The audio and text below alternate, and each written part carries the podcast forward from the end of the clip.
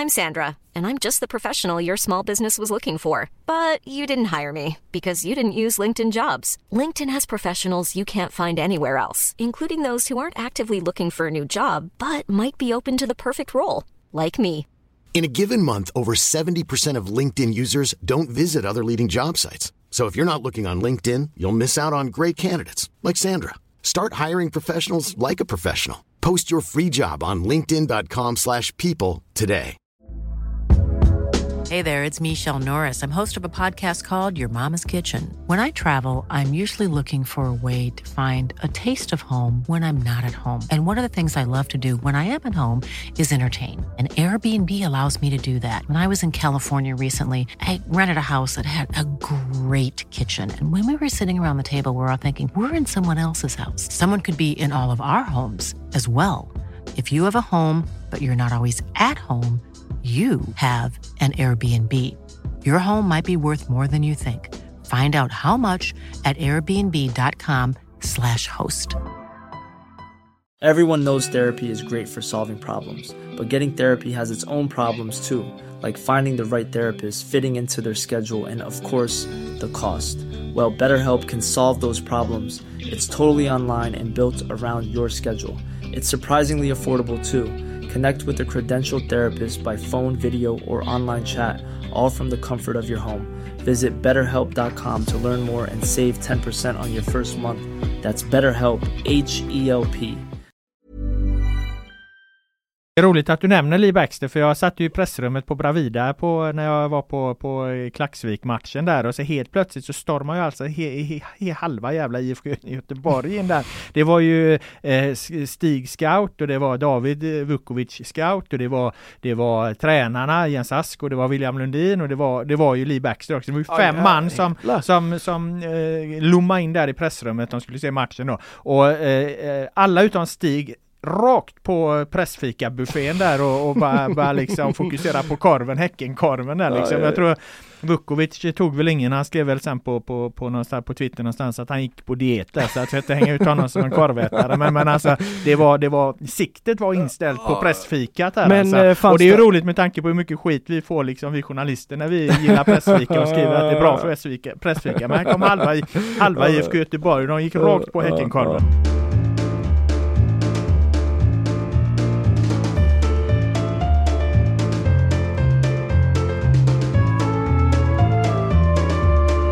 Hej välkomna till GPs fotbollspodd Laul med vänner som fokuserar på fotboll i allmänhet och fotbollen i väst i synnerhet. Efter en lång och välförtjänt semester gör Filip Trollér comeback i studion idag, utvilad och redo för en galen fotbollshöst här i stan eller i vårt område, det får man väl ändå säga. Definitivt, det är spännande på alla fronter egentligen. Eh, både i allsvenskan och superettan och både topp och botten på, på båda serierna också. Så det ser vi verkligen fram emot. Eh, utvilad, jo det är jag väl men det, har, eh, det är ganska mycket full rulle också när man har en ettåring som man ska hålla rätt på. Det har varit mycket flängande fram och tillbaka hit och dit men eh, jag är taggad för hösten, absolut. Ja men det, det förstår jag för att eh, ja precis som du nämner där alltså det lever ju i alla, alla serier och på alla håll och kanter. Jag menar Utsikten kan gå upp i Allsvenskan, Blåvitt och Gais kan mötas i ett eh, kval, Elfsborg kan vinna Allsvenskan, BK Häcken kan fortfarande ta sig eh, ut i Europa. Här glömde jag kanske ÖIS, ja, Ja. det gjorde jag men eh, det gör inte du Filip, för du kommer ju direkt från deras träning som du snart ska få prata eh, mycket, mycket mer om. Men vi måste förstås börja det här avsnittet eh, med fiaskot som skakar hissingen Hisingen och eh, fotbolls-Sverige får man väl ändå säga.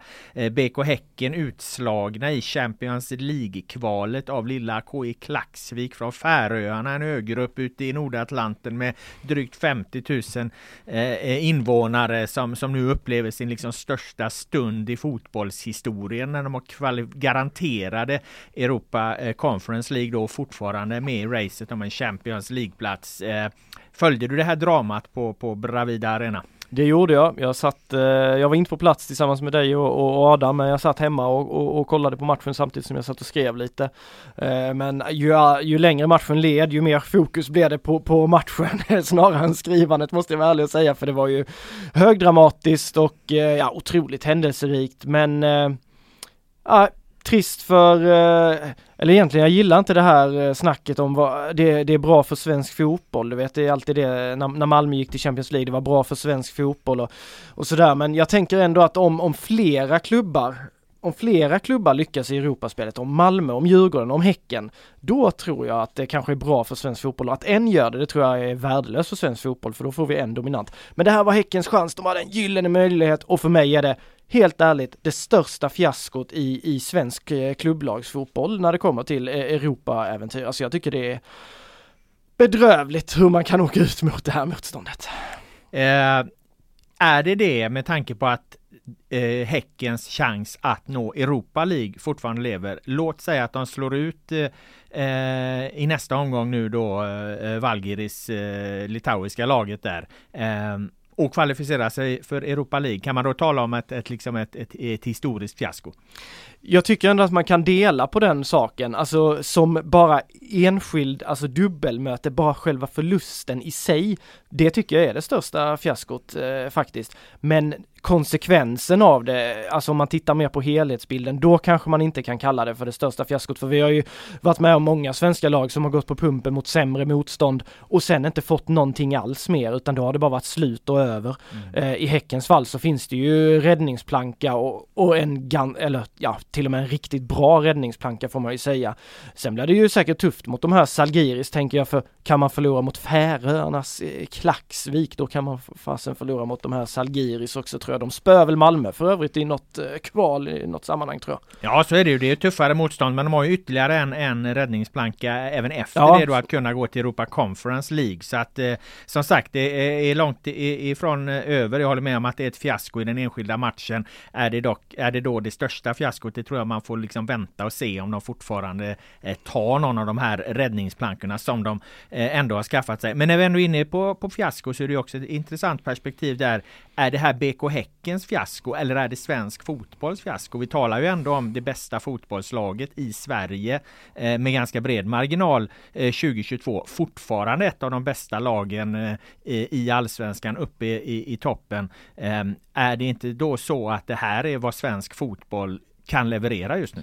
Jo, det går ju att se det på, på båda sätten. Alltså samtidigt som det här var också som enskild klubb, alltså Häcken har bara bockat av de här historiska milstolparna de senaste åren. Det här var också en väg för dem som klubb var ju ganska gynnsam på vägen fram. Det hade varit Molde här i nästa, sen vet vi inte vad det hade varit ett eventuellt playoff väl, men, men det liksom fanns goda möjligheter och, och tänk lilla Häcken har de klippt kupptitel och sen har de klippt liksom SM-guld och så bara tryckt till med ett Champions League-gruppspel. Nu kanske det blir ett Europa-gruppspel till slut ändå, men, eh, men framförallt håller, håller jag med också om att det, det är ju sorgligt, svensk fotboll. Vi åker ut mot ett Färöiskt lag att, att, och det tar det förändrar min syn lite för jag har nog svävat iväg här lite kanske de senaste åren och känt att eh, fasen allsvenskan det är ju bra nivå i många matcher och jag tycker att det har blivit Alltså den höjden Häcken har visat upp i ligan och alltså jag har varit så imponerad. Jag kunde inte se det här hända. Jag sa här till, på redaktionen i, igår kväll innan liksom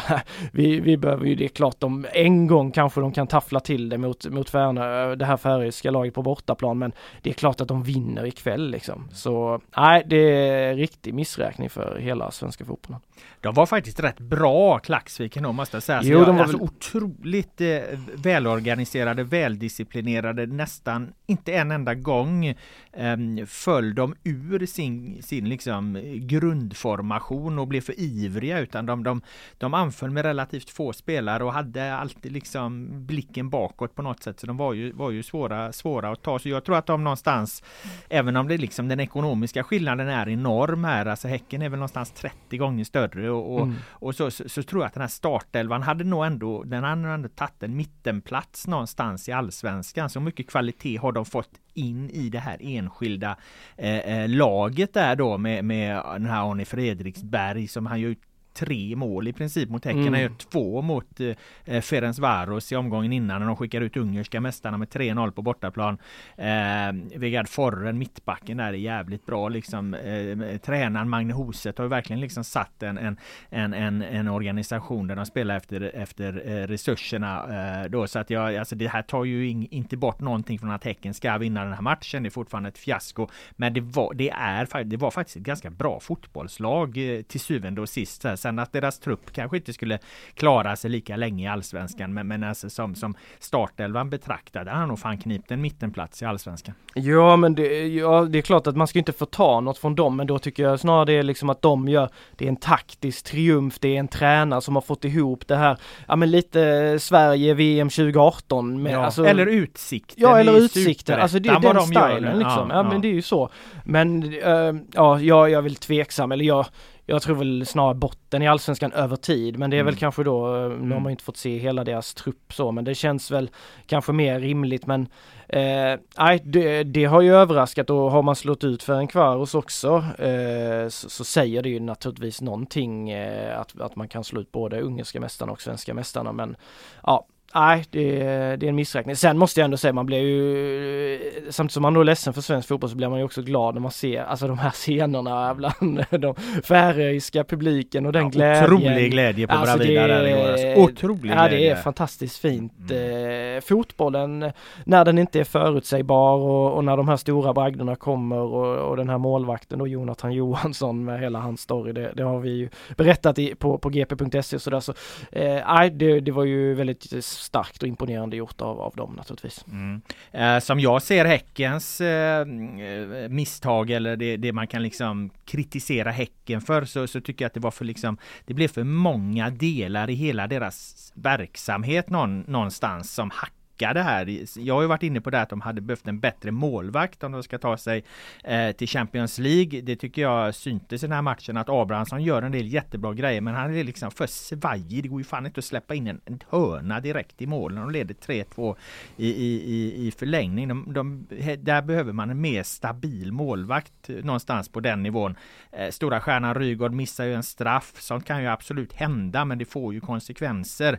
Eh, Högmo borde ju med facit i hand vilat spelare mer till exempel i Elfsborgsmatchen. Visst, då hade de kanske förlorat den, men det hade varit bättre i så fall att förlora mot mot Elfsborg i Allsvenskan än att åka ut här och, och med facit i hand framförallt då kanske sportchefen Martin Eriksson som, mm. som ju de säljer ju Benit Traoré då innan de har en ersättare på plats. De har i princip spelat de här matcherna nu med Filip Sevski och, och Ola Kamara och varit, varit eh, på bänken. Han fick inte ens chansen. De har ah, inte haft någon nummer nio. Visst, sen gör de tre mål hemmaplan. Det ska räcka, men, men med en Traoré med en ersättare för Traoré så då hade de förmodligen inte gått mållösa från Färöarna i första matchen och, och, och haft en, en, en bättre klart bättre chans där. Så att alla de delarna sammantaget någonstans eh, fullbordar ju det här fiaskot mm. skulle jag säga. Ja men jag håller med. Det, det är exakt så. Det har varit för många hack och det är inte något konstigt att det blir hackigt. Det är ju så det är. De här sommarfönsterna spelar försvinner och det har varit lite Men det finns flera bitar i det och jag tycker du belyser all, allihopa där och jag tycker Martin Eriksson har ju typ inte gjort ett fel någonsin liksom eh, känns det som i, i den här sportchefsrollen sen han har Ja men eh, han har varit den här Ola Kamara ja, det, då, det, som det, är liksom som, det här. Eh, där blev det ju fel Ja, där blev det fel och, mm. och, att han då, att Traoré släpps här, eh, släpps här och att de inte har någon ersättare. Alla vet hur viktigt det är att ha den där eh, nian i, i de viktigaste matcherna. Alla lag pratar alltid om hur viktigt det är att ha nian, målgöraren och Häcken kliver in i det här utan en riktig kvalitativ eh, spelare eh, i, i den positionen och, och det Ja, det gör att de, det är en stor faktor till att de faller. Sen tycker jag försvarsspelet är ju inte bara Abrahamsson, jag tycker frisparken han släpper ju billig också.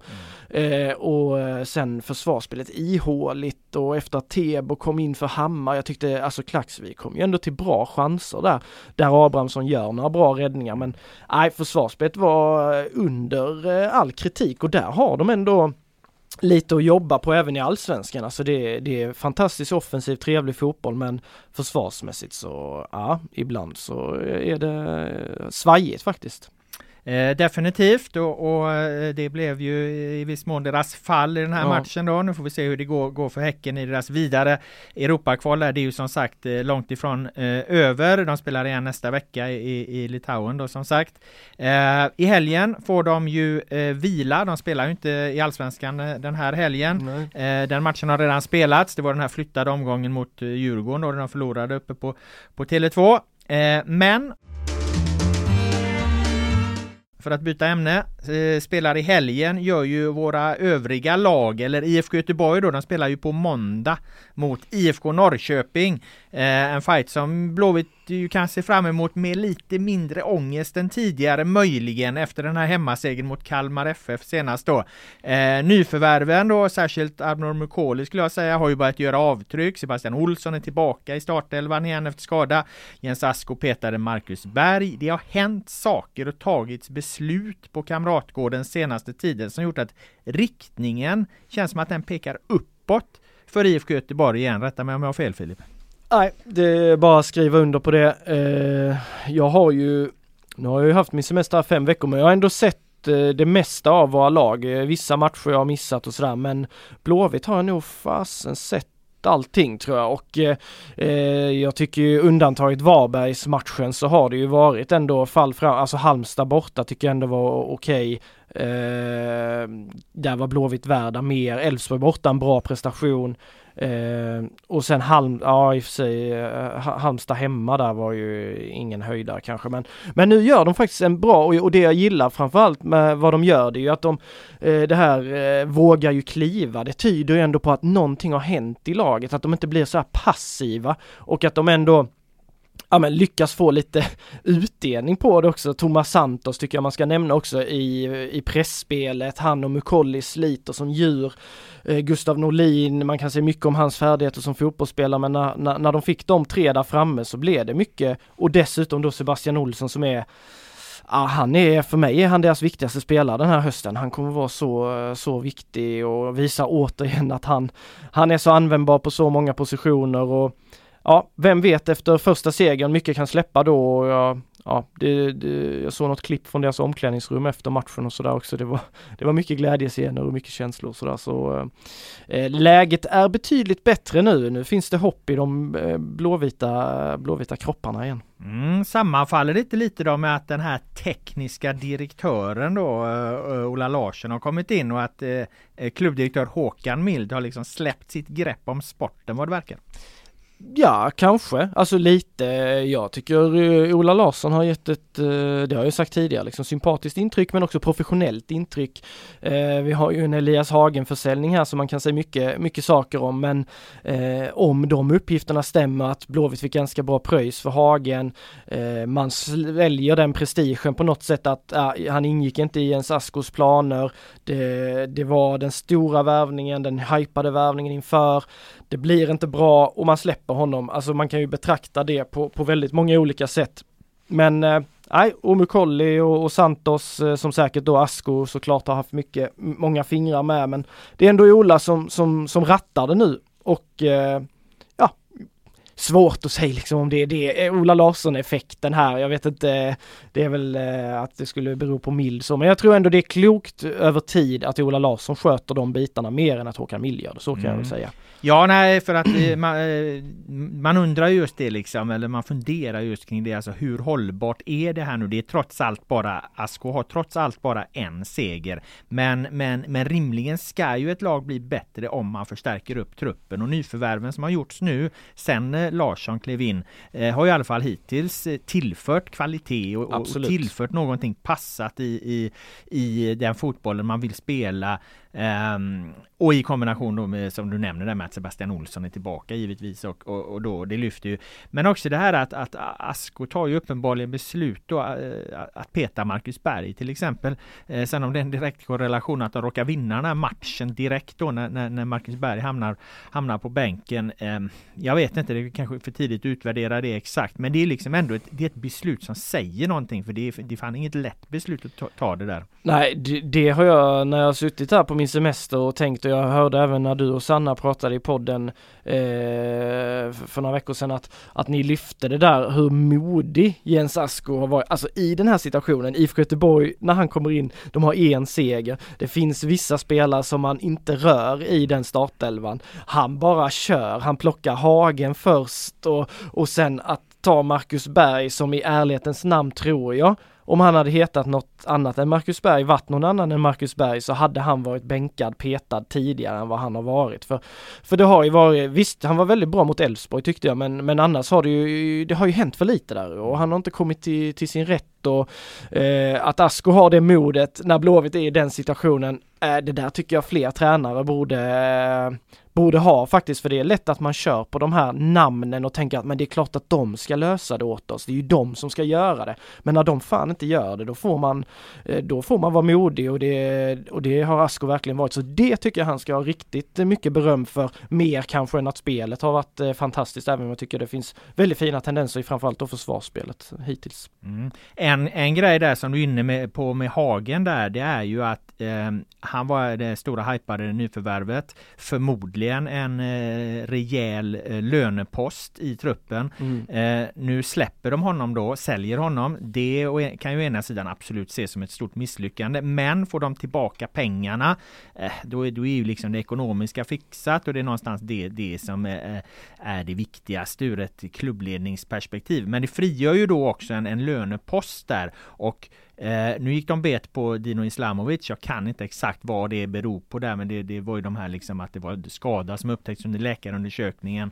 Eh, exakt vad det var ha, ha, ha, eh, kan jag inte ta gift på. Något hände, det sprack. Men nu är Hagen borta, de har en lönepost, de kan göra en långsiktig stark tung eh, värvning skulle jag kunna tro på den centrala eh, anfallspositionen. Och gör de det, då har de ju då har de en trupp som, som, som jag faktiskt tror kommer fixa det här. Alltså allra sämst en kvalplats, men, men i så fall tror jag det, det är högst troligt att IFK Göteborg slutar någonstans där jag själv tippar dem eh, här vid en elfte plats någonstans. Alltså för att då får de en så pass bra trupp så att då ska de kunna knalla förbi liksom Sirius, Värnamo till och med och så här. Mm. Ja, ja, men det, det borde också vara rimligt och eh, med Hagen borta så borde den här ekonomiska möjligheten finnas och det känns väl ändå ganska troligt att det kommer komma in något. Men sen är det ju åter den här nia positionen. Alla har så svårt att hitta rätt där, för det får ju inte vara att de tar in något dödkött eller någon så här halvskadad. Det får inte vara en Sulle igen liksom som kommer på sommaren och, och som sen ska ha massa veckor och träna. Det var väl lite det då. Eh, jag vet inte heller exakta detaljer, men liksom att Islamovic tydligen så är ju inte hans fysiska form. Någonting är ju att han inte är på plats där direkt och det behöver ju Blåvitt någon som max behöver någon vecka liksom innan man är i fullt speldugligt skick. Men eh, absolut kan de få in en sån värvning då tycker jag också. Sebastian Olsson, nu var Emil Salmonsson tillbaka också, jätteviktig spelare. Eh, då ser det ju faktiskt eh, ganska lovande ut men eh, ja, sen är det ju Degerfors har vunnit och Varberg har vunnit och de har man ju känt har varit lite odugliga nästan tidigare men nu har de ändå sprattlat till lite grann så det kommer ju bli Det kommer ju bli en kamp men, men förutsättningarna för att lyckas är ju betydligt bättre nu än vad, vad, vad, de, var, vad de var tidigare men Sen måste jag också säga, alltså Elias Hagen och IFK Göteborg när det gäller stora prestigevärvningar, alltså det det, det går ju aldrig längre. Alltså, alltså, det känns ju som att det slår fel varenda gång. Jag vet inte om det är en felaktig känsla jag har men det är i alla fall min bild av det att så fort de spänner bågen och, och, liksom verkligen gör den här tunga värvningen så Nordin Gerzic, Elias Hagen, Per Eriksson, alltså det är många ändå i hyfsat eh, ja kanske modern tid, det kanske inte att ta i men, men, men, men eh, alltså det är länge sedan, eh, jag kan inte påminna mig om en värvning där de spänner bågen, ja så och att de får eh, full utväxling på någon som inte haft typ Tobbe Hysén, det fanns ju en koppling där och Lasse Vibe och, och Sören Rex och de här var ju jättebra när de var i Blåvitt men det var ju inte så att de hostade massvis i övergångssumma, inte vad jag vill minnas i alla fall. Nej, de hade jävligt höga sign-on bonusar. Ja, det hade de Rogne och Rex ja, jo, det är klart, och de här ja. så att det, det, tror jag slog ganska hårt på ekonomin där så sett. Men jag, alltså eh, principiellt så att säga har du ju rätt där att de har misslyckats med en hel del. Att de har gjort det på senare år tror jag hänger ihop ihop med att eh, det har varit för mycket rörelse på, på ledande positioner där för att då kommer det alltid in någon ny och det är en ny tränare och de spelar på ett annat sätt och det här och det blir liksom eh, förändringar. Det blir jävligt mm. svårt liksom om, om, om, du inte har någon långsiktigt röd tråd utan det ska ändras hela tiden så att eh, eh det förklarar nog varför det är svårt för vissa spelare att hitta rätt i, i IFK Göteborg för det kan vara en person som köper dem och sen till en tränare och sen ja. är både den som har köpt dem och tränaren borta efter ett tag någon helt annan som ska göra någonting och vill ha in andra eh, har andra tankar då exakt hur man ska användas och då levlar inte det med vad, vad, vad den här personen, Hagen till exempel, kanske har kommit dit och blivit lovad för roll och så vidare. Så blir det massa liksom hack i de kurvorna. Nej, för det är ju det man känner ju ändå det att Elias Hagen, när man tittar på honom och sett honom i träning, det är inte så att du ser, ja det här är en oduglig spelare, det här var fel, utan ja, han är ju en fin fotbollsspelare, men han var nog väldigt anpassad för det här konstgräset, Bode Glimt, väldigt inkörd i det, spelförande lag och, och liksom den modellen, det blev ju något helt annat i Blåvitt. Tanken var ju ett mycket mer spelande Blåvitt än vad det till slut blev. Mm. Eh, så är det. Eh, innan vi lämnar i Blåvitt då, du drar till eh, Norrköping här på, ja. på måndag på eh, eh, kamratmötet. Vad, vad åker du dit med för tankar? Eh, jag åker dit med tankarna att det är en bra chans för IFK Göteborg att ta andra raka segern för även om eh, Norrköping har eh, ett gäng kvalitativa spelare så det är ömsom vin, ömsom vatten på det gänget. Alltså herregud vad de svänger fram och tillbaka känns det som. Det lät inte helt oväntat. Nej, det kändes det den här det, säsongen nej, nej. för de har sån jävla skillnad mellan offensiv kvalitet och, ja, och sitt ja, försvarsspel. Ja. Den är ju mils, milsvid. Ja, jo det håller jag med om. Och, och Glenn känns ju också lite, ja men lite crazy liksom. Att det, men det, det kan ju bli 3-0 till Norrköping känns det som och det kan bli eh, 2-0 till Blåvitt också. Det är en väldigt öppen match men det är eh, otroligt eh, spännande match för nu har ju Blåvitt ändå lite hugg på det och de vann väl där uppe i fjol om jag inte minns fel. Så nej, det är en väldigt spännande match med, där IFK Göteborg har goda möjligheter att se det som i alla fall. Eh, bra, då lämnar vi Blåvitt där från eh, botten till eh, toppen skulle man kunna säga. Eh, vi har ju Elfsborg eh, som möter Sirius till helgen och frågan är om de har hämtat sig från förlusten Eh, där de var en man mer borta mot BK Häcken i hela andra halvlek och en, en del av första också. Eh, den förlusten innebar ju dessutom att de föll av sin, sitt långa spår av, av matcher utan, utan förlust. De hade inte förlorat sedan allsvenska premiären också det mot, mot Häcken då. Nu förlorade de igen då eh, trots ledning och en man mer som sagt efter en ovanligt odisciplinerad insats rent defensivt när de fick det här liksom eh, numerära övertaget då så, så tappar de ju helt eh, sin formation, defensiva eh, formation egentligen när de fyllde på framåt. Eh, alltså ett par av de här målen som Häcken gör i andra halvlek, båda egentligen, de spelar ju sig rakt igenom hela Elfsborg på, på två, tre tillslag och så passiv backlinje, skott i mål. Ungefär så ser båda de här avgörande målen ut för, för Häcken. Det var ovanligt att se ett Elfsborg under Jimmy Tillin eh, tappa helt sin, sin defensiva taktiska formation där. Jag blev överraskad. Ja, jag såg inte den här matchen men mm. jag följde den lite sådär på livescore och så när man såg att Häcken hade fått en, en utvisad. Och så tänkte man att ja men nu stänger ju Elfsborg ner det här för det här Elfsborgslaget de, de är omöjliga att rubba typ när de är, när de är 11 mot 11 och jag tänkte 11 mot 10 då kommer det inte vara några problem även om Häcken är otroligt skickliga så, så skulle det inte vara något men eh, nej väldigt förvånande men eh, någonstans är det kanske ja Elfsborg varit overkligt bra får vi väl säga, overkligt stabila och att det här, alla lag, det kan, man kan kalla det en skröna och sådär, men alla lag får någon dipp under säsongen och, och det här är ingen dipp för Elfsborg, men det var en dipp i en, en Kan vara. Ja, kan, kan vara, kan vara ju liksom, men eh, det, ja, det fallerar någon gång, det är ju eh, rimligt. Jag, jag tror Elfsborg snart är på, på benen igen, men nej, jag blir mycket förvånad. Och det du säger där med att den var overkligt bra, det, jag måste verkligen skriva under på det för att jag såg ju den här matchen på plats och jag såg den efter jag hade varit på Färöarna på plats och sett eh, eh Klaxvik i Häcken första matchen mm. där. Um, så jag kommer med den på näthinnan, en liveupplevelse, sätter mig på Bravida och ser Elfsborg stampa gaspedalen i botten direkt och, och där, där, där upplever jag Elfsborg som, som internationella i sitt, beslutsfattande, sin kraft, sin fart de har allting. De, jag blir otroligt imponerad av deras första eh, halvtimme någonstans här för, för, för i, där, alltså de pressar Häcken på ett helt annat sätt än jag har sett många andra lag göra. Alltså Häcken får, får liksom slå ifrån sig och, och äh, dra ner på tempot för att, för att eh, Elfsborg forsar fram här. Så att det är precis som du säger. Eh, innan det här, vad, vad fan det nu är som händer efter mm, utvisningen, mm. Så, så, har de, de, har varit overkligt bra och de var verkligen overkligt bra första halvtimmen på, på Bravida. Det var en total scenförändring eh, eh, egentligen. Så att den högsta nivån de, de har i Elfsborg, de har börjat hitta i Elfsborg den talar ju verkligen för det du säger att de snart är tillbaka på det här vinnarspåret för att, för att högsta nivån i Elfsborg den är otroligt hög. Ja, och sen är det väl så hur ologiskt den kan kännas så många lag. Det blir dassigare bolltempo, man faller in i någon slags bekvämlighet när man känner att ah, men nu är vi en man mer och vi kommer vara det troligtvis en stor del av matchen att men det här fixar vi ju då liksom. Vi nöter, särskilt då man som Elfsborg, som du beskriver det, har haft ett sånt järngrepp om det hela att man tänker att vi har ju kontroll på det 11 mot 11, vi kommer ju bara städa av det här liksom. Mm. Så eh, nej, det är väl, eh, det kan vara lurigt det där. Vi får se vad det blir mot eh, eh Sirius som sagt. Eh, söndag har vi den matchen på, ser vi också fram emot. Eh, och från toppen av allsvenskan då ska, ska vi röra oss till toppen av superettan. Vi har inte pratat eh, superettan här nu på länge Filip eftersom du har haft din, din semester så här, men alltså eh, det, det, det otroliga har ju hänt och fortsätter hända egentligen och det är ju att Utsikten ligger kvar högst upp i, i, i tabellen tillsammans med Västerås just nu då. Mm, De står mm. väl på, på eh, 36 poäng båda där på där uppe. Eh, Utsikten lite bättre målskillnad.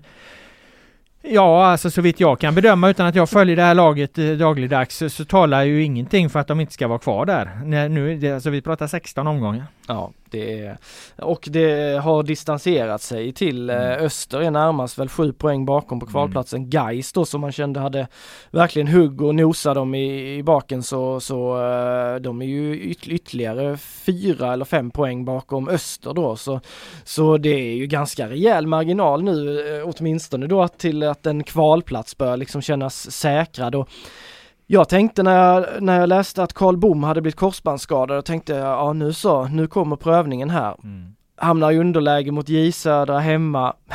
Då tar de fram den här mentaliteten igen, vänder, vinner mot HIF. Visst ett sent insläppt mål, eh, Rogne här i 88 men eh, alltså de gör det bra, de står upp i varenda, de, de liksom, de checkar aldrig ut utsikten. Och det, det tror jag, det tror jag faktiskt här och nu ser jag inte heller någon anledning till att tro att, att de inte på ett eller annat sätt kommer ta sig till allsvenskan. För har du byggt den grunden som du sa, 16 omgångar, den poängskörden och du har det arbetet och den jäkla mentaliteten som de har då, eh, då är det lätt att det bara tugga på med de här segrarna liksom. Men eh, ja, det är väl möjligtvis då Karl Bom liksom, om de hamnar i någon slags läge där där det börjar ställas lite mer krav att de hamnar i underlägen och måste liksom bygga sin offensiv sådär. Då är det inte jättemånga så kreativa spelare. Albin Skoglund var fantastisk mot HF men, men eh, där kan det väl brista lite då i, i, kreativitet om de måste framåt. Men samtidigt så tror jag det de förlorar i, i kreativitet, det, det, eller det de saknar då, det har de i mentalitet och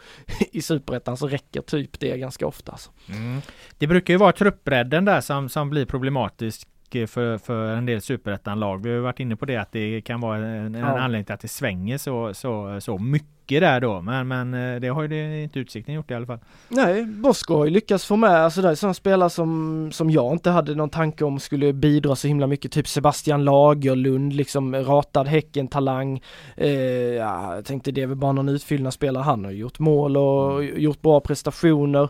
Eh, Fredrik Martinsson kom från Ljungskile, hade väl i och för sig haft en fin tid där, men han tycker jag har varit bra. Nu har de ju tagit in Alai Gassem från Blåvitt på lån. Det är väl för att bredda upp truppen eller om han ska spela, så de har många alternativ på många, på, på många positioner så eh, ja men återigen och de har tagit in Fällratt där från, från Skövde som inte haft någon jättemunter säsong där i och för sig men men det finns, eh, som jag känner det, så är det ju alternativ på, på många positioner och flera har överpresterat, även de som har varit utanför startelvan. Men ja, Karl Bom där, det är den där kreativiteten. Möjligtvis att det skulle kunna fälla dem om de inte liksom hittar något sätt att, att täcka upp för honom. Mm, det är en diskussion bland en del, eh, en del supporterled här att man inte vill ha upp eh, utsikten med tanke på att det, det, det, det är ett lag som saknar publik och ja, ja. allt det här vi har pratat om tusen gånger att det i princip är ett, ett kansli och ett fotbollslag ungefär.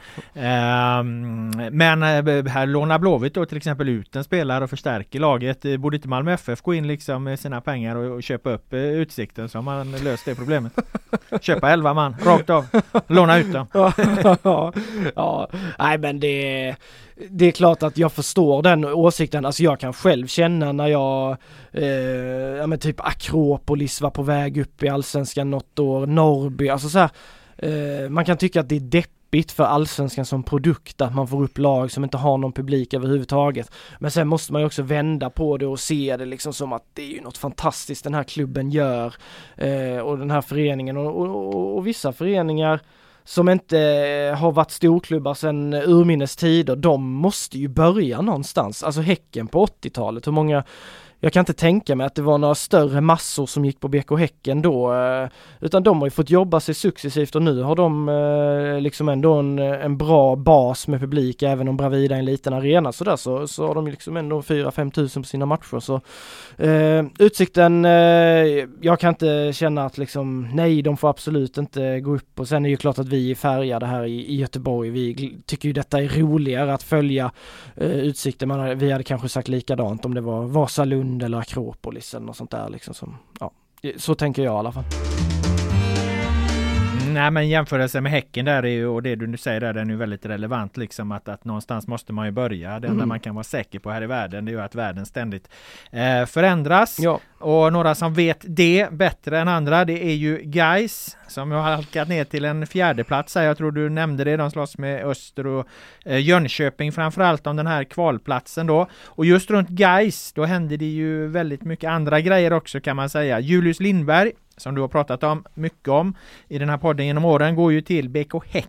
Häcken då efter säsongen eh, kunde eh, du och kollega Adam Fröberg avslöja här då i, i, eh, i veckan. Och i mina öron låter det där som en rätt bra lösning eh, så han kan hjälpa Gais här nu till en kvalplats under hösten eh, som är värd mer än ett par miljoner som jag antar att de skulle fått eh, eh annars. Men det har blivit uppståndelse kring, kring övergången ändå vad jag förstår. Eh, ja det har det ju verkligen blivit. Eh, efter att vi släppte den här igår så men sen ska man säga att det har varit väldigt delat. Eh, jag ser ganska många som tycker att eh, ah, vad fasen, nu, nu får han spela kvar här och, och, han har ändå varit vår bästa spelare och det, det, är klart att vi inte ska bua ut honom eller hata på honom eller sådär. Men sen ser man också många som menar på att eh, vi vill inte se han i startelvan, om det så kostar ett allsvenskt avancemang så ska han bort, han, eh, sälj honom direkt, eh, låt han inte komma till Gaisgården, alltså det tugget. Eh, och om man sätter sig in i supportrarnas eh, situation så eh, förstår jag att en spelare som har betytt så mycket, en spelare som man ändå har haft en gnutta hopp om att han att man kanske då ska få antingen lite pengar eller att han ska skriva på nytt och sen säljas och sådär. Eh, när det blir, eh, även om det inte är officiellt, så, så litar vi ju på våra källor att ja, men det blir definitivt att han han kommer inte vara kvar i Gais och Gais i takt här under sommaren också har dalat lite så så kan jag ändå förstå att det blir väldigt många som reagerar kraftigt och att man kanske reagerar lite i affekt men jag tycker att de som tar det så långt så att man ska, eh, ja men du ska, han ska inte spela en minut till och det får kosta oss det allsvenska avancemanget. Det tror jag inte man menar om man bara ba låter det här sjunka in lite grann. Eh, och jag tycker jag förstår också synpunkten att man tycker det suger att han går till Häcken som ändå är en klubb i, i stan och eh, att man känner sig svikna. Men samtidigt om man då sätter sig i Julius situation Eh, sannolikt är det så att de europeiska klubbarna som var intresserade av honom, att deras intresse dog av lite om Gais inte vill sälja honom i sommar, vilket man ju har fått till sig liksom att deras, de har krävt mycket pengar för att sälja honom i och med att han har varit så viktig och då svalnar det lite för de europeiska klubbarna vill gärna göra sina förändringar i trupperna på sommaren. Och då är det de allsvenska klubbarna kvar typ och lite eh, ett par andra ligor. Och om Häcken då, som passar Julius Lindberg rent fotbollsfilosofiskt och spelmässigt helt jäkla perfekt. Visar det intresset och, och presenterar liksom eh, antagligen en stor eh, viktig roll för honom. Det tror jag faktiskt att han kommer få. Och han vet om att okej, okay, händer någonting med mig här i höst, en, kors, en korsbandsskada, då är inte Häcken intresserad efter säsongen. Många tycker att han kunde vänta till efter säsongen göra klart. Mm. Så på så sätt köper jag att han gör klart med dem och sen så spelar han med guys och så som jag känner Julius så är han inte någon som backar ut eller kommer vara rädd om benen eller som, som det skrivs om. Så jag, jag ingen spelare i guys av de jag liksom träffar där ändå hyfsat ofta blir så lack typ som när de förlorar matcher och det tror jag inte kommer förändras. Eh, utan han vill nog avsluta snyggt här eh, och, och verkligen köra på för risken är ju annars att om han inte hade haft något klart ja då kanske han hade varit försiktig med benen och, och dratt sig undan lite för att man då är rädd att ah, det kanske skiter sig om jag åker på en skada. Så jag tror nog man ska försöka vända på det lite om man är, är, är liksom väldigt så agg. Samtidigt som jag har full förståelse för att man blir så jäkla besviken och att man reagerar kraftfullt i, i stunden. Men det har blivit eh, ja, infekterat helt klart. Mm. Jag tycker väl någonstans att ja, det är väldigt intressant det du säger och det, logiken är ju glasklar där med, med, med, med att det nog, det nog är bättre för alla parter att han har klart med Häcken här och kan ändå kan koncentrera sig fullt på, på, på guys inte behöver vara rädd eh, om benen där. Det är en, eh, det är en, det är väldigt relevant eh, iakttagelse.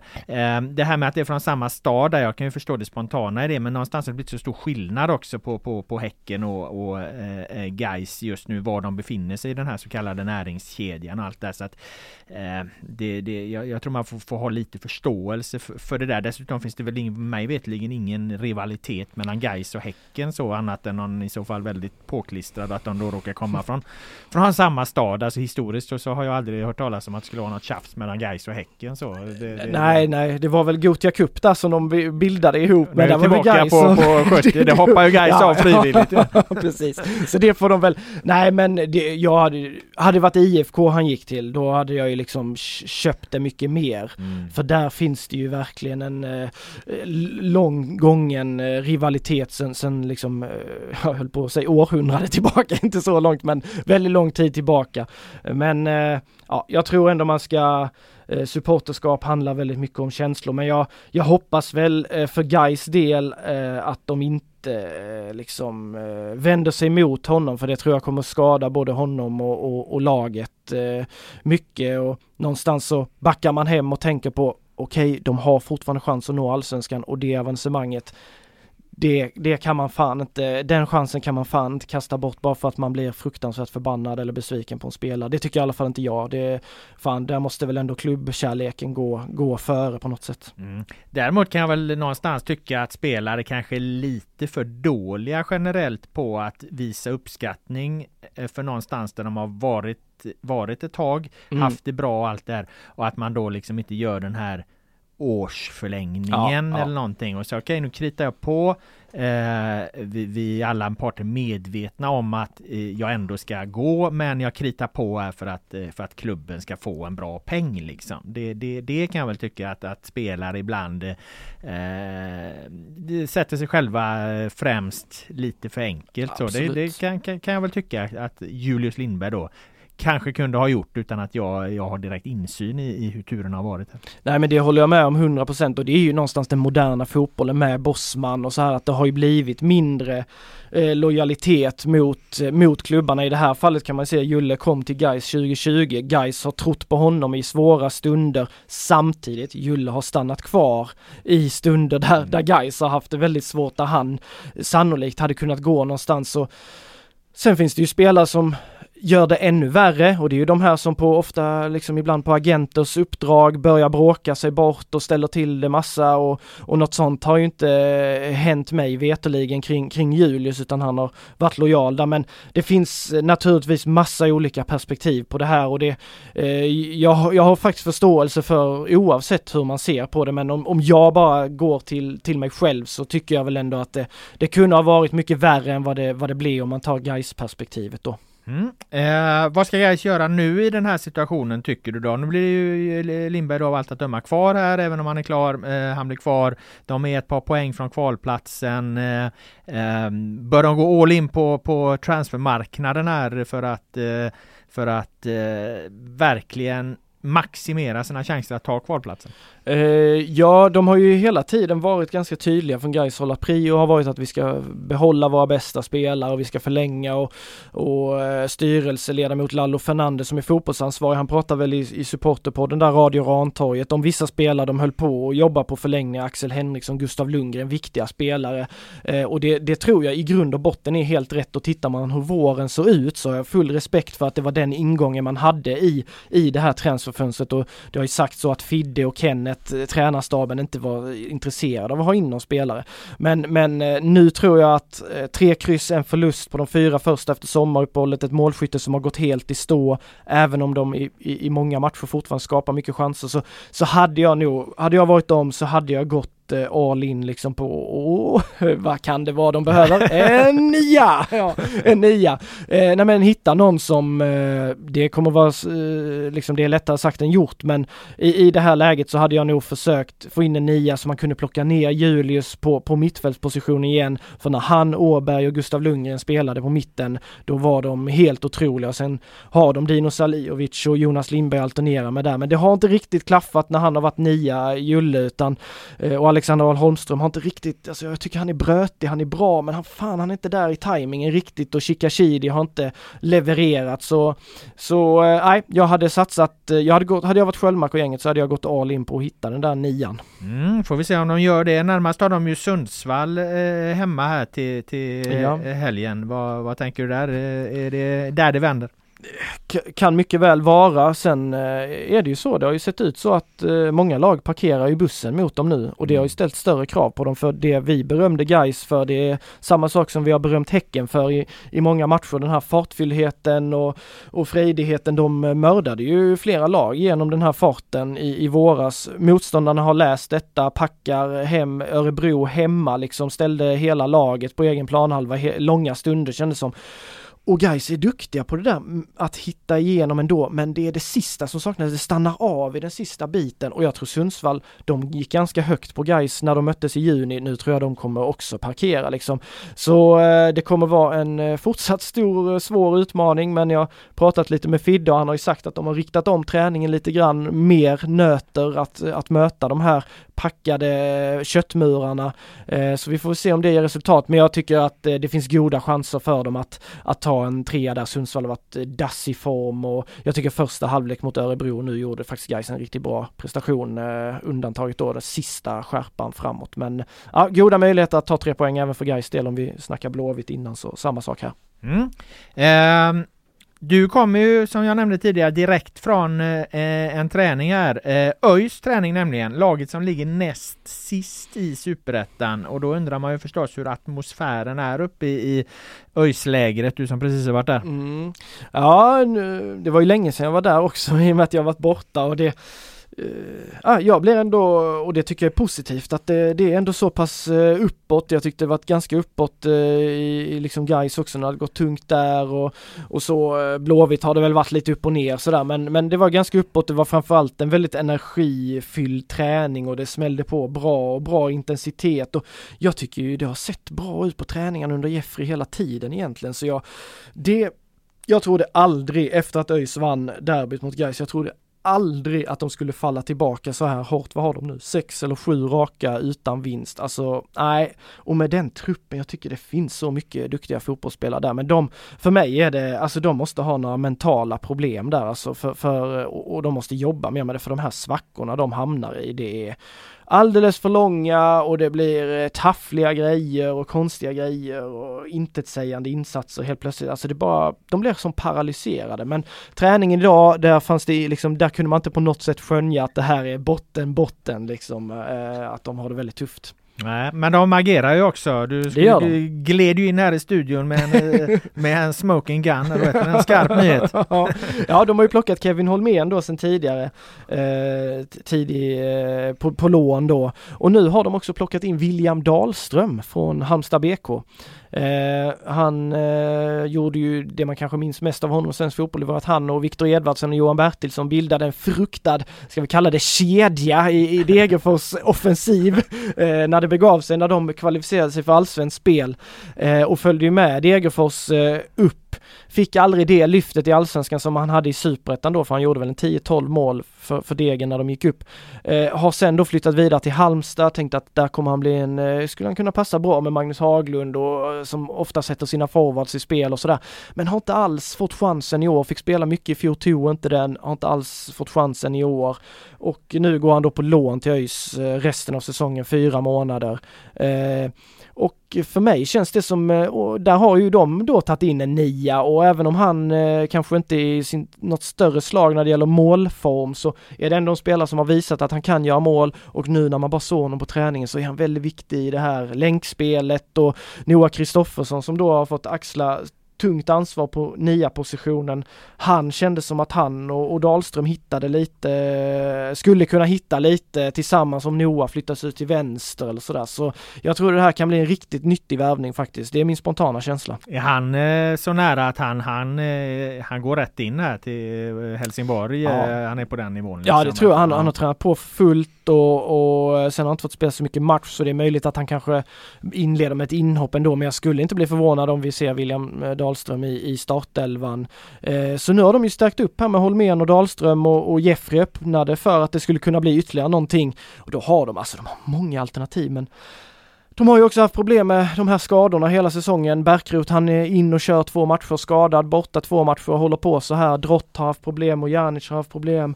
Eh, det har inte blivit någon vidare rytm för dem och då känner de väl att de behöver eh, stärka upp och det är väl svårt att klandra dem för det. Så jag, jag tror att Dahlström in här, det kan bli bra och jag skulle inte bli förvånad om han står på Olympias gräsmatta i Helsingborg på tisdag kväll, där jag också är på plats! Jag skulle precis säga det, det gör du också höll jag på att säga, ja. men inte på gräsmattan kanske. nej, nej, det, då, då går det illa för... Sitter, sitter på, ja. på, på, på pressläktaren där uppe. Ja, vad tänker du mer inför den matchen? Den, alltså det är den, eh, vinner ÖIS då går de ju om Helsingborg ja. ner upp på kvalplats där. Eh, förlorar de däremot och, och Helsingborg sticker där, då, då, ja. då ser det ju ännu mörkare ut och då ser det ju riktigt mörkt ut kan man ju säga. Ja, beroende på andra resultaten. Ja, det är en jätteviktig match för dem. Sen har de väl typ Skövde, Östersund tror jag de har på hemmaplan. Det är också lag som ändå de har lite kontakt med och Skövde har de ju bakom sig. Eh, men det är en det är en otroligt viktig match här alltså. Helsingborg har ju ändå sett stabilare ut under Stuart Baxter, varit mer svårslagna och men de har också sina problem. Och spelar inte någon sprudlande fotboll så det kan bli en riktig, riktig ångestmatch där faktiskt. Men eh, ja, ÖIS eh, hemmamatchen hade de ju en halvlek och sen kom HF igång och vände. Och Amar Mushin han gör ju mål varenda gång han möter Göteborgslagen. Så, så eh, inte mot Utsikten nu men annars så både Gais och ÖIS och Blåvitt har han ju hängt baljor ju. Så de får väl se upp för Mushin i, i HF han gillar att möta Göteborgslagen, göteborgaren. Eh, men eh, det blir en rafflande match eh, där jag tror väl att, återigen, fan ÖIS har ändå goda möjligheter. HF har svårt att prestera på Olympia men ett kryss kanske ligger nära till hands. Mm. Eh, ja, som ni hör, det är ju mycket, många stora viktiga matcher eh, framöver här. Vi har gått igenom det mesta vad rör, eh, som rör eh, våra lag. Eh, då har vi inte, ändå inte nämnt att det pågår ju ett fotbolls-VM här samtidigt också i, i eh, Nya Zeeland, eh, Australien och eh, det Filip tänkte jag ta upp genom att att han, han lägga min Svennis-skala mm. på att plocka upp lite guldkorn från detta fotbolls-VM. För det är nämligen våra våran eh, nästa och sista punkt i den här podden, Svennisskalan. Den har du inte glömt av under din semester. Jag hoppas att du har förberett bra, mycket bra, mycket, mycket bra. Du behöver inte dra vad det står för eller nej, vem okay. som har sagt det. Nej, nej, nej, okay. nej, du gör inte det. det. Ja, bra. Då kör jag mina där ja. i alla fall så får du fundera eh, eh, lite till. Men det har ju fallit eh, ut så efter gruppspelet här att Sverige möter eh, USA i en åttondelsfinal på Eh, söndag förmiddag i Melbourne och eh, här har det dividerats om det är en eh, mardröm att få USA regerande världsmästarna eller en, en, en drömmotstånd då med tanke på, på att eh, eh USA har sett minst sagt knackiga ut under gruppspelet. Det är många lag i det här VMet som har gjort det. Det har varit mycket skrällar och så här. Eh, men jag skulle säga att det är ett perfekt läge att möta USA och det här liksom med, med i slutspel och så att det är mardröm hit och dit. Alltså jag tycker lite förlorarattityd och resonera eh, så. Ska, ska man liksom gå långt i ett VM, ska man vinna ett VM till exempel eller ta sig till final så här, alltså man kan ju inte räkna med att man ska ha en lätt väg fram utan man måste ju liksom beta av eh, de stora elefanterna eh, förr eller senare. Jag menar nu ser ju USA knackiga ut. Det är väl lika bra, bra, bra att ta dem eh, direkt kan jag tycka. De, USA är ett stolpskott från att åka ut och ja. inte, inte ens gå till slutspelet mot Portugal och då ska man veta att Portugal är ingen stark fotbollsnation. Så att jag tycker det är bra att Sverige får USA i det här skedet av turneringen.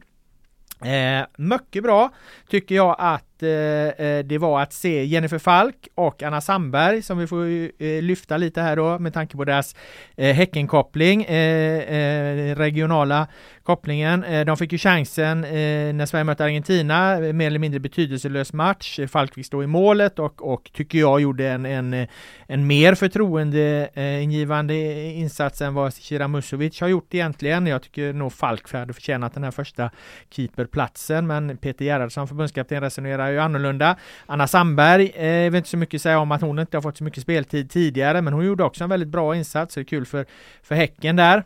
Och eh, på den inslagna vägen då så måste jag ändå säga att mycket, mycket bra i det här mästerskapet har ju faktiskt Elin Rubensson varit. Eh, hon har klivit in, tagit hand om den centrala mittfältsrollen, där ju Caroline Seger då inte, inte liksom håller nivån längre. Eh, Rubensson skulle jag säga har varit Sveriges genomgående bästa spelare under det här eh, gruppspelet tillsammans med Amanda Ilestedt måste man ju lyfta med, med alla mm. sina nickmål. Nathalie Björn tycker jag gjort det bra till på högerbacken men, men, men eh, Rubensson håller jag nog fan som den genomgående bästa spelaren tillsammans med, med de två. Det, det är ju kul för henne för det har varit lite upp och ner, lite olika positioner och allt det här och förra EM fick hon inte så mycket speltid. Nu är hon en bärande pjäs på det svenska Eh, eh, mittfältet eh, och det blir ju klar skillnad eh, när hon kom in mot Argentina också. Det var en match där de vilade nio spelare och kommer hon in och, och seger ut Eh, hon lyfter direkt spelet där, så otroligt kul att det går så bra för Elin Rubensson, så hon får mycket, mycket bra där. Och innan jag släpper in dig så ska jag lägga till en mycket, mycket, mycket bra här. Oj, oj, det är nämligen oj. så att Oppenheimer har ju gått ut på bio. Christopher Nolan gör det igen. Den filmen är så bra att den får en egen kategori på Svenneskalan. En mycket, mycket, mycket Vad fan, bra har du film. inte haft den filmen i Svenneskalan redan eller? Nej, du bara Ja, men inte recensionen. Det var den som kom nu. Okej, okay, ja. jag har inte sett den än. Jag får ja, gå och se. Jag, jag, jag, är tagg, jag är taggad på den. Du, du har ju hypat den. Jag. Alltså så som du har hypat denna. Jag älskar Nolan. Ja, jo, jag vet det. Jag vet det. det. Fick du inte någon, nej det var inte någon bok eller någonting? Nej, nej det var något annat. Det var häftiga bilar. Du fick någon bok. Ja, det var en Batman-bok det. det var Batman var det ja. Ja, ja, men det är ju lite Nolan där ändå aj, på något hörn liksom. Aj, ja. ja, den ser vi fram emot. Ja, ja en egen skala där alltså. Ja, han får en egen kategori här. Ja, den ja. gödslar Matte med i onödan. Det var ju som när Expressen en gång la in, gav sex getingar till Glenn Hysén i landskamp mot England. Det är väl enda gången det har hänt. Ja, eh, nej men jag kan väl, eh, jag vet inte om jag ska spela in något på det. Jag håller med om att eh, USA här är en bra, det är bra lottning. Alltså tänk USA, Sverige, 9 poäng. De kommer ju vara fan livrädda för Sverige nu. Liksom, de är stressade över det här och Sverige har fortfarande allt att vinna känns det som. Så jag tycker också det. Och sen hade jag faktiskt tänkt ta med de här Häcken-kopplingen eh, på, på min Svennis-skala. Men, jag kan, jag, men jag kan slänga in... kan det ändå. Nej men jag, jag, jag, Rubensson tänkte jag väl framförallt. Jag har också blivit så otroligt imponerad av henne. Men jag kan ju också där kan jag ju slänga in på bra kan vi ju ta då. Rebecka Blomqvist som jag tycker det är också en, en Göteborgskoppling på henne. Hon har ju spelat både GFC och, och ja, det som sen blir Häcken också väl. Eh, fantastiskt eh, tjusigt mål där, bra anfall överlag det målet de gör mot Argentina och sen att hon är så smart och fixar den straffen också. Jag tycker hon har gjort mycket av de minuterna hon har fått och eh, det... Hon slår sig verkligen Blacksten i ja, nacken. Ja, alltså verkligen så och liksom har den här rivigheten. Jag älskar den forwardstypen också som går i djupled och, och eh, ja, man vill minnas från tiden hon var här i stan också. Alltid sympatisk och, och trevlig sådär. Så både hon och Rubensson tycker jag verkligen imponerat på mig och, och Elin där kan jag ju bara hålla med om. Jag tycker hon lätt bäst faktiskt alltså hittills i, i, i det svenska laget. Mm. Eh, så de kan vi väl ha på bra då. Ja. Eh, och sen slänga in på mycket bra. Det tycker jag eh, faktiskt. Jag vet inte om du har sett klippet där när Blåvitt har vunnit matchen mot, eh, mot Kalmar i omklädningsrummet. När de hoppar på, på eh, medicinlådan. Ja, men det var inte det. Det var inte det jag tänkte lyfta. Att Sebastian Eriksson misshandlar den här stackars lådan. Först blir han, ja jag vet inte vad han gör. Men det var inte det utan Lee Baxter faktiskt, hur han lyfter laget. Hans liksom eldar på att vad fan vi måste vara glada för det här. Och det, jag pratar ofta om det så här att det känns ibland som att de här fotbollslagen, bara för att det är så på stort allvar, det är på stort allvar, det är mycket känslor kring det och jag fattar att man blir ner så här, men de glömmer ju ibland av och liksom fan vad lyckliga i stunden, tillåt er, unna er det, att vara glada och jag gillar att Lee Baxter kan kliva in i det omklädningsrummet och bara pumpa upp dem, fan var glada för det här killar. Alltså glöm inte det. Det är ju ändå det som sen i slutändan kan vara någon slags skillnad, att man känner någon fan glädje. Det är ju fotboll, det är det roligaste som finns liksom. Ja, den har ju saknats lite på Kamratgården. Ja, har man ju ofta ja, märkt det den, jämfört ja. med Häcken. Det är visst absolut nu, nu har det liksom på senare tid varit många år mm. av, av, dåliga resultat för Göteborg och bra Häcken så att det är väl, det är väl naturligt någonstans. Men det, det alltså vad fan fotbollen, träningen, det här, det måste ju ändå mest vara man måste ju behålla liksom en nivå av att det mest är kul annars, ja, annars ja. blir det ju liksom Ja, men, ja, men det, vet du själv om du har tråkigt på jobbet varenda Ja, ja, vad fan dag, då, liksom. då? Då har du ingen lust längre och då presterar du ju sämre också. Så det kanske kan tyckas fjantigt men jag, jag tycker man kan lyfta det mycket bra av Lee där, att han, han liksom eldar igång där. Det är roligt att du nämner Lee Baxter för jag satt ju i pressrummet på Bravida på, när jag var på, på Klacksvik-matchen där och så helt plötsligt så stormar ju alltså he, he, he, halva jävla IFK Göteborg in där. Det var ju eh, Stig Scout och det var David Vukovic Scout och det var, det var tränarna Jens Ask och det var William Lundin och det var, det var ju Lee Baxter också. Det var ju fem Aj, man som, som, som eh, lommade in där i pressrummet. De skulle se matchen då. Och eh, eh alla utom Stig rakt på pressfika-buffén där och, och bara, bara liksom fokusera på korven, Häckenkorven där liksom. Jag tror Vukovic tog väl ingen, han skrev väl sen på, på, på, någonstans, på Twitter någonstans att han gick på diet där, så att jag inte hänga ut honom som en korvätare. Men, men alltså, det var, det var, siktet var inställt på pressfikat här men, alltså. Eh, och det är ju roligt med tanke på hur mycket skit vi får liksom, vi journalister, när vi gillar pressfika och skriver att det är bra för pressfika. pressfika men... Fanns det något kvar efter du hade varit där höll jag på att säga?